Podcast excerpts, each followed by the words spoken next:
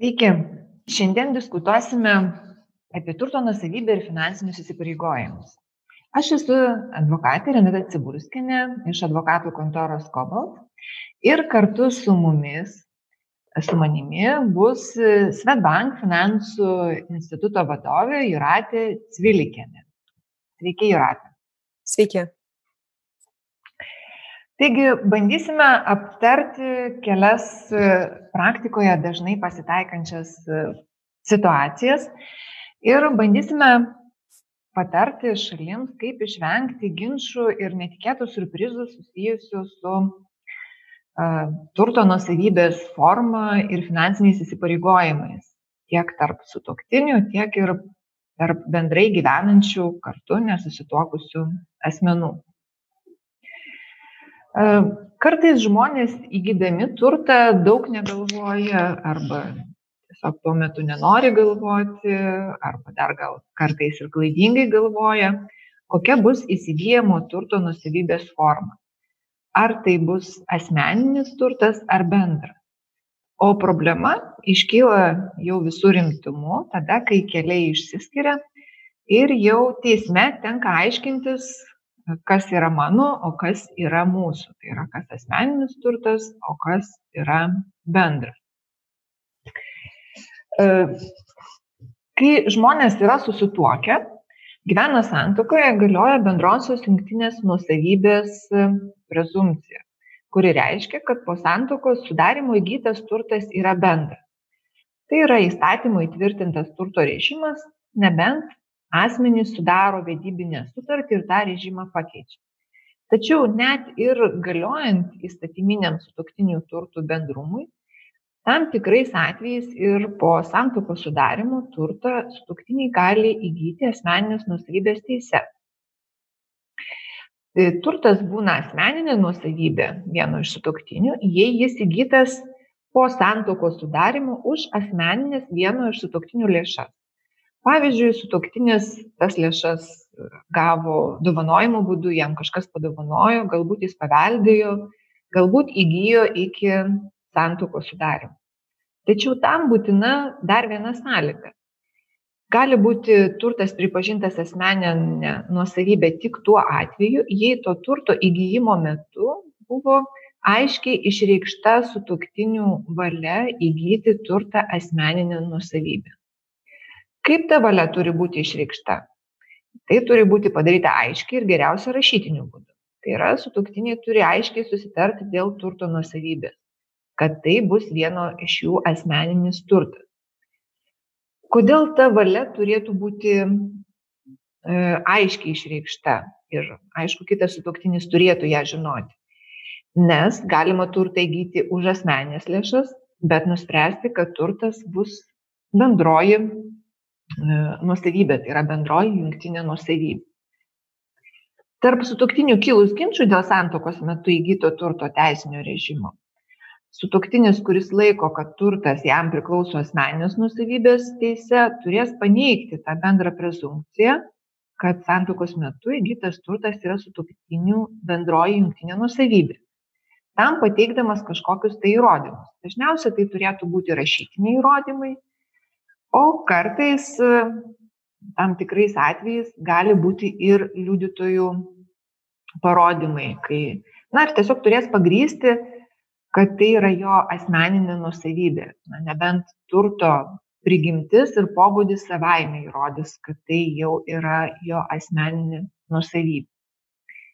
Jeigu asmenys yra nesusituokę, šiaip gyvena kartu, tai to turto bendrumo prezumpcijos įstatymas nenumato, tačiau asmenims vėlgi iškyla ta pati problema, kuris bendrai gyvenant įgytas turtas, ar tai būtų nekilnojamas turtas, ar įmonė yra bendras, bendroji dalinė nusavybė, o kuris yra kiekvieno asmeninis turtas.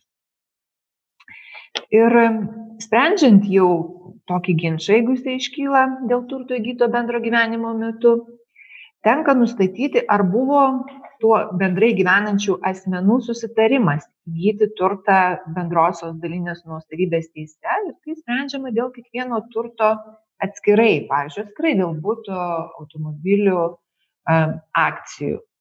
Ir jei buvo toks susitarimas, tai tada bus turtas bendras, jei nebuvo asmeninis.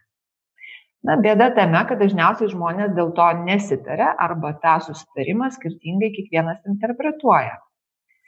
Ir be to, dar nustačius, kad tas turtas bendras, iškyla klausimas, kokios to turto dalys yra. Tai yra, kiek kiekvienam priklauso tos bendros nusavybės. Ar tai viena antroji, ar viena ketvirtoji. Ir jeigu su toktiniu konkretaus susitarimo nėra, tai yra vertinamas įnašas tų asmenų į, į, bendrą, į, į bendrą turtą. Tai gali būti pinigai, kitas turtas, profesinis žinios, įgūdžiai, dalykinė reputacija, dalykiniai ryšiai. E, gali būti dalyvavimas savo darbu ir tas darbas suprantamas ne tik kaip tiesioginis darbas, pavyzdžiui, remontuojant būtą, bet kaip ir bet koks darbas bendrame ūkija pavyzdžiui, būtiniai darbai, vaikų e, auginimas. Ir pagal tai nustatoma, kiek kiekvienas asmuo tame turte kokią dalį turi. Taigi, na, iš tų tokių praktinių situacijų matome, kad e, su tuoktiniu ar bendrai gyvenančių asmenų tarpusavio finansiniai susitarimai yra labai svarbus, siekiant išvengti teisinių ginčių dėl turto nusavybės. Ir čia norėčiau Juratės paklausti, kaip vis tik tai reikėtų suvaldyti tas rizikas, kaip asmenim uh, susitarti valdant savo finansus, kad, kad na, ta turto nusavybė būtų aiški ir jau tada, kai šalis sugalvotų pasukti skirtingais keliais, nereikėtų tų, uh, tų ginčių spręsti teismuose. Na, E, tai, ką, ką Renata e, jau jūs minėjote, ir čia turbūt tokie teisiniai niuansai, aš įsivaizduoju, kad juos ir išmano e, specialistai, teisininkai, kuriuos kreipiasi žmonės jau susidūrė su bedomis. Tačiau kalbant apie lietuvius, apie, apie tai, kaip, kaip gyvena daugelis šeimų, tai man norėtųsi pasakyti, kad mes apskritai esame tokie pradinukai kalbant apie savo finansus, nes tyrimai rodo, kad finansų tema šeimoje yra, na, tokia tabu ir, ir jinai atsinešama tokie mitai kažkokie apipinti dar iš tėvų ar, ar senelių namų ir, ir tikrai atrodo, kad tarsi kalbėtis apie finansus būtų kažkaip neromantiška ir, ir, ir ne, nebūtų priimtina šeimoje aptarti tuos dalykus kasdieną. Tai yra daugelis lietuvių apskritai sako, kad jie E, savo finansus planuoja kažkaip intuityviai galvoje savo ir, ir net neturi užsirašę ar kažkaip aptarę, jo lab, e, na, įsivertinę poroje tų dalykų. Tai kas e, turbūt yra labai svarbu ir, ir nuo ko reikėtų pradėti, tai jau galvojant apie gyvenimą kartu, reikėtų ir pakalbėti apie finansinius dalykus, nes kaip ir minėjau, mes atsinešame patirtį iš savo šeimų. Ir tose šeimose ta patirtis gali būti labai skirtinga. Ir, ir kas atsakingas už, už finansus, kas atsakingas už įsigijimus, kas, kas turėtų daugiau rūpintis vienu ar kitu dalyku, gali būti labai e, skirtingi dalykai. Tuo pačiu galime juk atsinešti ir turimą sąskaitas, ar kaip jūs minėjote, galbūt e, dovanas, paveldėtus pinigus, taip pat skolas galime atsinešti į, į, ir į kažkokias turimas savo. Todėl, na, iš tikrųjų reikėtų pasikalbėti jau prieš santoką, kaip įsivaizduojamas tas būsimas bendras biudžetas, e, kokius įpročius turite, kas už ką turėtų būti atsakingas ir nusistatyti tas taisyklės, nes iš tiesų mes visi turim savo kažkokių ir pomėgių, ar kažkokių na, įsitikinimų ir mums teks jau derintis. Tai, tai čia būtų pati pradžia jų šeimoje sutarti, kaip mes gyvensime ir kokie bus mūsų tikslai, kokia ta mūsų bus bendro katilo strategija, ar mes turėsime kažkokią bendrą sąskaitą, ar mes turėsime vis, vis tik atskiras sąskaitas, ar mes susitarsime dėl taisyklių, kas yra atsakingas už kokias paslaugas, už įsipareigojimų vykdymą. Na ir turbūt atvirumas, ką jūs ir minėjote, yra labai svarbus ir, ir, ir drąsa kalbėtis apie tuos dalykus, kad aš norėsiu išlaikyti galbūt kažkokią savo turimą turtą tik savo kuris buvo įsigytas prieš santoką, galbūt man tai svarbu e, yra saugumui mano užtikrinti ar panašiai. Ir aš tikiu, kad tai nėra labai lengva, bet na, pradėti apie tai yra labai svarbu kalbėtis ir galbūt tai ir padėtų išvengti paskui ateimo iki, iki kažkokių skirybų, jeigu mes atvirai sugebėtume apie tai kalbėtis. Juratė, kaip jums atrodo, ar, ar jūsų praktikoje būna tokiu atveju, kad e, sutoktiniai ar šiaip bendrai gyvenantys žmonės bandytų kažkokius e, raštus susitarti, ar jau čia iš vis yra utopinė situacija? Na, iš tiesų labai retai, kuris, kuris šeima sako, kad jie turi. Aš taip drįščiau teikti, kad tai vis tik yra šeimų, kurių pajamos yra gerokai didesnės na, toks turbūt iššūkiai, nes na, turėtų turėti jie ir to turto, ir tų įsipareigojimų, ar kitų dalykų, dėl kurių reikėtų susitarti raštu. Bet iš tiesų tas gerai gyvenančių ir vidutinės klasės žmonių skaičius Lietuvoje auga ir, ir tokių susitarimų, na, man tenka girdėti vis daugiau, kad e, tiesiog susitariama yra dėl turto, kuris buvo iki santokos, e, kad vėliau nereikėtų spręsti tų ginčių na, kažkaip pasitelkiant specialistus ir kai jau tikrai skirybo, skirybos ir taip yra turbūt stresinis dalykas. Tai, tai nėra labai dažna, nes lietuviai sako, kad jie apskritai biudžetą planuoja galvoje, tai, tai kažkaip intuityviai. Tai kalbėti apie tai, kad susitarimai raštu tikrai dar nėra labai populiarus dalykas. Taip, sutinku su jumis, tos romantikos turbūt aptarti finansinius susitarimus nėra, bet jos dar mažiau būna, kai reikia ginčią išspręsti, kai, kai, kai to susitarimo jokio nėra nei, nei žodinio, nei, nei rašytinio. Tai aišku, tikrai būtų patartina šalims e, pradžioje kalbėti, o po toje bandyti ir e, užfiksuoti tuos susitarimus, kadangi žmonės, na, iš praktikos žinau, dažnai pamiršta tai, ką jie kalbėjo, kai dar tie tos romantikos buvo daugiau ir kai jos tampa mažiau, tai na, užsimiršta ir, ir, ir pažadai kokie nors.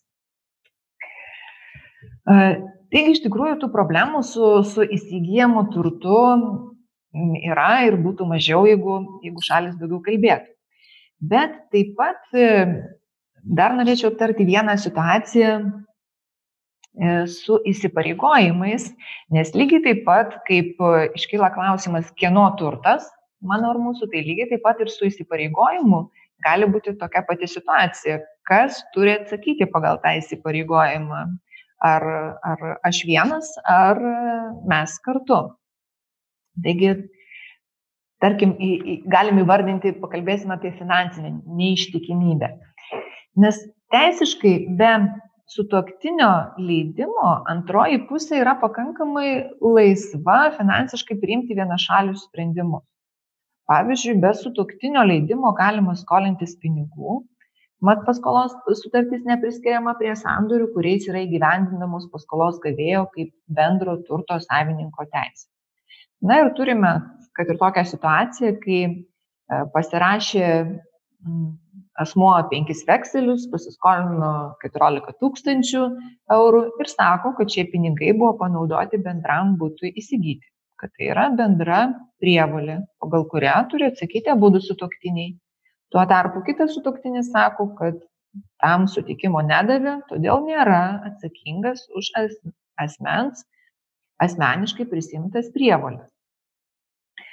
Ir šiaip įstatymas nustato, kad sutoktinių mm, civilinė atsakomybė yra, yra, gali būti skirtinga, tai yra Jie atsako pagal skirtingų rūšių turtinės prievolės, kurios gali būti asmeninės arba bendros, o bendros dar gali būti dalinės, kai kiekvienas atsako savo dalimi, na, tarkim, pusę, arba solidarius, kai kiekvienas atsako pilna apimtimi. Na ir bendrai, toks bendras skiriamasis bruožas tarp, tarp šių prievolių yra tai, kad asmeninė prievolė tai yra tada, kai uh, jie buvo tenkinami poreikiai grinai asmeniniai, susijęs su asmeniniu turtu arba vieno asmens išskirtiniais interesais. O bendra prievolė, kai yra susijusi ne vieno asmens interesais, Tai yra, kai yra susijęs su, su toktinio interesais šeimos labui, su bendru su toktiniu turtu, kuris gali būti arba bendroji jungtinė, arba bendroji dalinė nusavybė, su to turto tvarkymu, daro įtaiką šeimos padėčiai, kai sandorio rezultatais naudojasi būdų sutoktiniai. Taigi iš esmės, kai sandoris sudarytas šeimos interesais, tada turime bendrą prievalę. Ir čia mes turime vėlgi problemą, kad kai asmuo skolinasi, paprastai paskolos raštelėje ar kokiame vekselyje, e, tuo labiau vekselyje ta panaudojimo paskirtis ar skolinimosi tikslas paprastai nenurodoma. Na, čia mes kalbam, aišku, ne apie bankų kredito sutartis, kur viskas būna tiksliai nurodyta, bet yra paskolos raštelis, kai asmuo pasiskolina iš, iš, iš tėvų, iš draugų, iš pažįstamų ar, ar vekselį e, e, išrašo kažkam tai. Tai tokiu atveju tas skolinimosi tikslas nėra nurodomas. Nes šiaip vekselis yra pagal apibrėžimą tai vertybinis popierius, kuris patvirtina vekselio davėjimo, davėjo įsipareigojimą be išlygų sumokėti tam tikrą pinigų sumą tame dokumente nurodytam asmeniui. Ir tada iškyla klausimas vis tik tai, ar tai, pavyzdžiui, vekselio, vekselis buvo pasirašytas, ar tai yra bendroji prievolė, tai yra bendra solidari prievolė, abu du sutoktiniai atsako pilna apimtimi. Ir e, jeigu e, šalis susitarė, nesvarbu, kad vienas pasirašė, tai jos abi dvi atsako, arba kitas variantas yra, kai jos abi atsakys, tada, kai tos lėšos gautos pagal vekselį bus panaudotos šeimos interesais ar bendro turto tvarkymui. Taigi šiaip ta bendra prievolė, bendra solidari sutoktinių prievolė neatsiranda, kai vienas sutoktinis be kito sutoktinio pasirašo vekselį ar ima paskolą, perka prekių išsimokėtinai, kai tai nėra būtina bendries, bendriems šeimos poreikiams tenkinti. Ir jeigu mes norim žinoti, ar tai bendra prievolė ar, ar asmeninė, jeigu nėra aiškaus susitarimo fakto, tada jau reikia nustatinėti, ar tai skirta šeimos poreikiams tenkinti. Na, vėlgi tai nėra labai aišku ir tai užprogramuoja ginčius tarp sutoktinių. Taigi mes vėl atsidūrėme pradinėme taške. Kaip reikėtų susitarti dėl skolinimosi politikos sutoktiniams?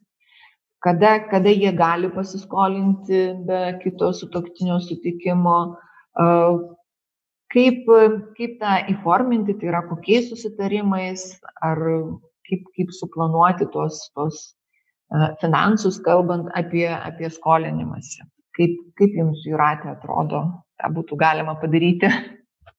Na, iš tiesų, jūs jau nemažai dalykų turbūt aptarėt ir tas finansinės neištikimybės terminas, jis atrodo ir skamba gana taip ironiškai, tačiau tai yra beveik kiekvienoje šeimoje pasitaikantis dalykas ir iš tiesų jis gali būti nuo labai paprastų, sakykime, kažkokių įsigijimų, kurie yra skirti na mano mm, sakykim kažkokiem malonumui hobiams pasisėdėjimui su draugais ir aš tiesiog nenoriu kad apie šitas mano išlaidas e, antroji pusė žinotų vardan e, kažkokios taikos šeimoje ir, ir išlaikymo, nes galbūt tai kelia stresą. Tai visi turbūt esame susidūrę, kurie gyvena poroje ar šeimoje, kad na, kartais verčiau patylėti, negu atskleisti galbūt viską, arba būna, kad net juokeliai tokie yra, ar ne, ir sako, kad baisiausias dalykas yra tai, kad skirybų atveju žmona iš tiesų parduos visas vyro meškerės ir valtis už tą kainą, už kurią jis sakė, kad jis jas įsigijo, nes ji gali būti tikrai ženkliai mažesnė negu yra. Bet čia yra tik juokai ir turbūt pati pradžia kai mes kalbame apie įsiskolinimus ir, ir na, tikrai e, tai gali būti ir nedideli, galbūt kažkokie pasiskolinimai, tai gali būti ir tikrai ženklus, e, tai ta finansinė ištikimybė, kaip ir bet kokia kita ištikimybė, gali iš tiesų e, skaudžiai žaisti ir, ir sukelti didelių nemalonumų. Todėl na, pasakyti, kad kažkokios programėlės, kurias, kurių yra apstu dabar ir kuriamis galima naudotis, valdant savo finansus, čia padėtų, e, turbūt priklausys nuo to, kiek mes, kaip ir kalbėjome pradžioje, būsim atviri ir, ir sugebėsime apie tai kalbėtis. Ir aš tai tiesiog galvoju, kad na, apskritai įsipareigojimai šeimoje turėtų būti vienas iš tokių dalykų, kuriems skirti reikėtų daugiausiai savo laiko ir susitarti dėl jų būtinumo ir dėl jų, e, na, iš tiesų gebėjimo šeimai panaudoti ir, ir na, tikrai sutarimo, kad to reikia abiem. Nes aš, aš tikrai esu girdėjusi ir man yra tekę konsultuoti ne vieną E, ar šeimą, ar, ar pažįstamą, kuomet vienam iš sutoktinių atrodo, kad tas pasiskolinimas ar įsiskolinimas galbūt irgi atėjęs iš jo ankstesnės patirties yra visai priimtinas ir ta rizika yra priimtina ir jis mato na, potencialą galbūt, ar ne, ar, ar investuoti į būties atnaujinimą, ar į kažkokias geras atostogas, ar investuoti į į automobilio atnaujinimą, na, o kitam sutoktiniui atrodo, kad vis tik reikėtų palaukti, galbūt ir šitas laikotarpis rodo, kad atidėti dalį lėšų, konservatyviau su tuo gyventi. Tai vėl e, turbūt svarbiausia būtų atvirumas, drąsa ir gebėjimas e, e,